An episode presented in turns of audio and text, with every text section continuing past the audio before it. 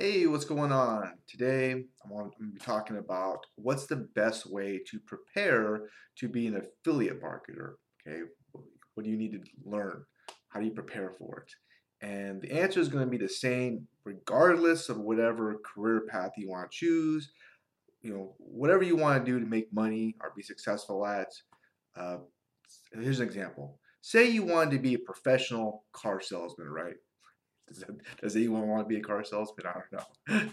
That's a funny one, right? But uh, what would you do? Uh, what would you do to sell cars? Okay, what I would do is I would probably go find the best car salesman, right? And do whatever I could to learn how he did it. You know, find someone better than you, a mentor, a really good mentor, and learn from that person. Um, so Joe Girard uh, won the Guinness Book of World Records for selling the most cars. I actually read his book a while ago because I was so interested. Like, I used to sell cars too a long time ago, and I was like, how do you do it? How do you sell so many cars? And uh, so he would definitely be somebody on my top list and someone who, who I would want to learn from, right? When it came to selling cars. So you want to learn from someone who really walks the walk and not just talk the talk, right? So there's really three things I look at when it comes to a mentor, who someone you should really learn from. And uh, number one is how long they've been doing something, because let's, let's let's face it. I mean, time is the ultimate bullshit detector, right? It is. It is. Only time will tell if something will work or not. Sure, everybody has opinions. Oh, that's not going to work.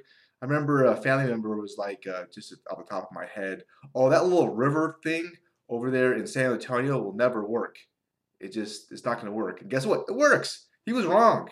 So time just dispels the bullshit. This is why old wives' tales usually work because they survive the, pa- the time, right?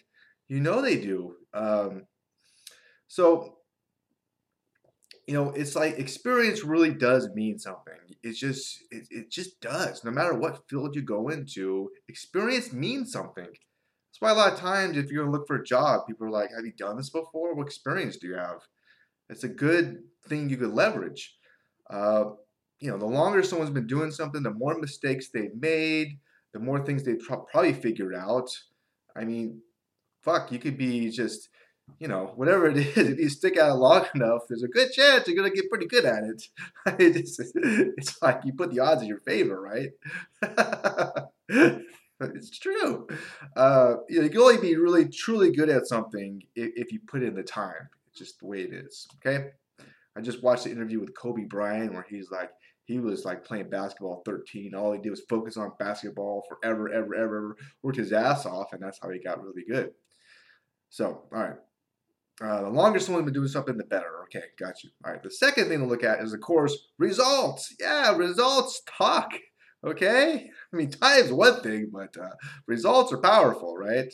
Uh, one interesting thing about results, and I got this from a copywriting lesson. I think this is true too, is to use like exact numbers because if you use round numbers on stuff, it can be fabricated. It's more like bullshit. But if it's if it's exact numbers, it just seems more believable. I just want to throw that out there. Um, so yeah, results definitely talk. Where they begun, like like Joe won the Guinness Book of World Records. There you go. That's results. You're doing it for a long time too. All right. The third thing you can look at is what results have other people gotten uh, from learning from this person, right? And this is kind of be a kind of be a tough one as well. Um, so this could be the hardest part after you learn, after you find someone who's you know really really good, because maybe they just they're really good at something, but uh, it's just hard to learn from them, or they're a big pain in the ass or something, right? I don't know, but it could be a hard it could be a hard thing to guess figure out. But that's something to look at. Okay, it, it is. Uh, so uh, once you find this person, you want to learn from the person and do what they say. This is how you prepare to be an affiliate market. It's so simple. Find the best person learn from them, and just do what they say. Just do it. Drop your pride, your ego. Go, uh-huh, uh-huh, I'm gonna do it. I think it's stupid, but I'm gonna do it. Oh my shit, it works. Oh my god, it works. it's like we humans are stubborn. We just are, and hey, I am too. I mean, here's an example. Do I do everything my mentor tells me to do? Hell no. Hell no. If I did, I'd be probably making a lot more money, but I don't because I'm stubborn. Okay, I'll be the first to admit it too. Um, in fact, I'll give you another example because I was watching this Gary Vee video, and uh, Gary Vee has some really interesting things to say too. Um, so shout out to him. But he was telling the story of a friend who owns the Miami Dolphins football team, and the owner was like, "Oh, but Gary, I really want to help you," you know. And Gary was like, "No, no, I'm gonna do my own way." it's like yeah. So we humans, we have pride, and uh, it could be our Achilles heel. It could be our downfall. So, I mean, just learning from the right person and taking action is really one of the best ways to prepare to be an affiliate marketer. You need both. You need to, to learn from the right person and take action. Both work, okay? Um, you need the right education too. And here's an example. I used to think, because I've been in affiliate marketing for just a really long time, but I used to think that I could just figure everything out on my own. You know, I could just, I was going to be 100% self made. You know, I didn't really, you know, whatever.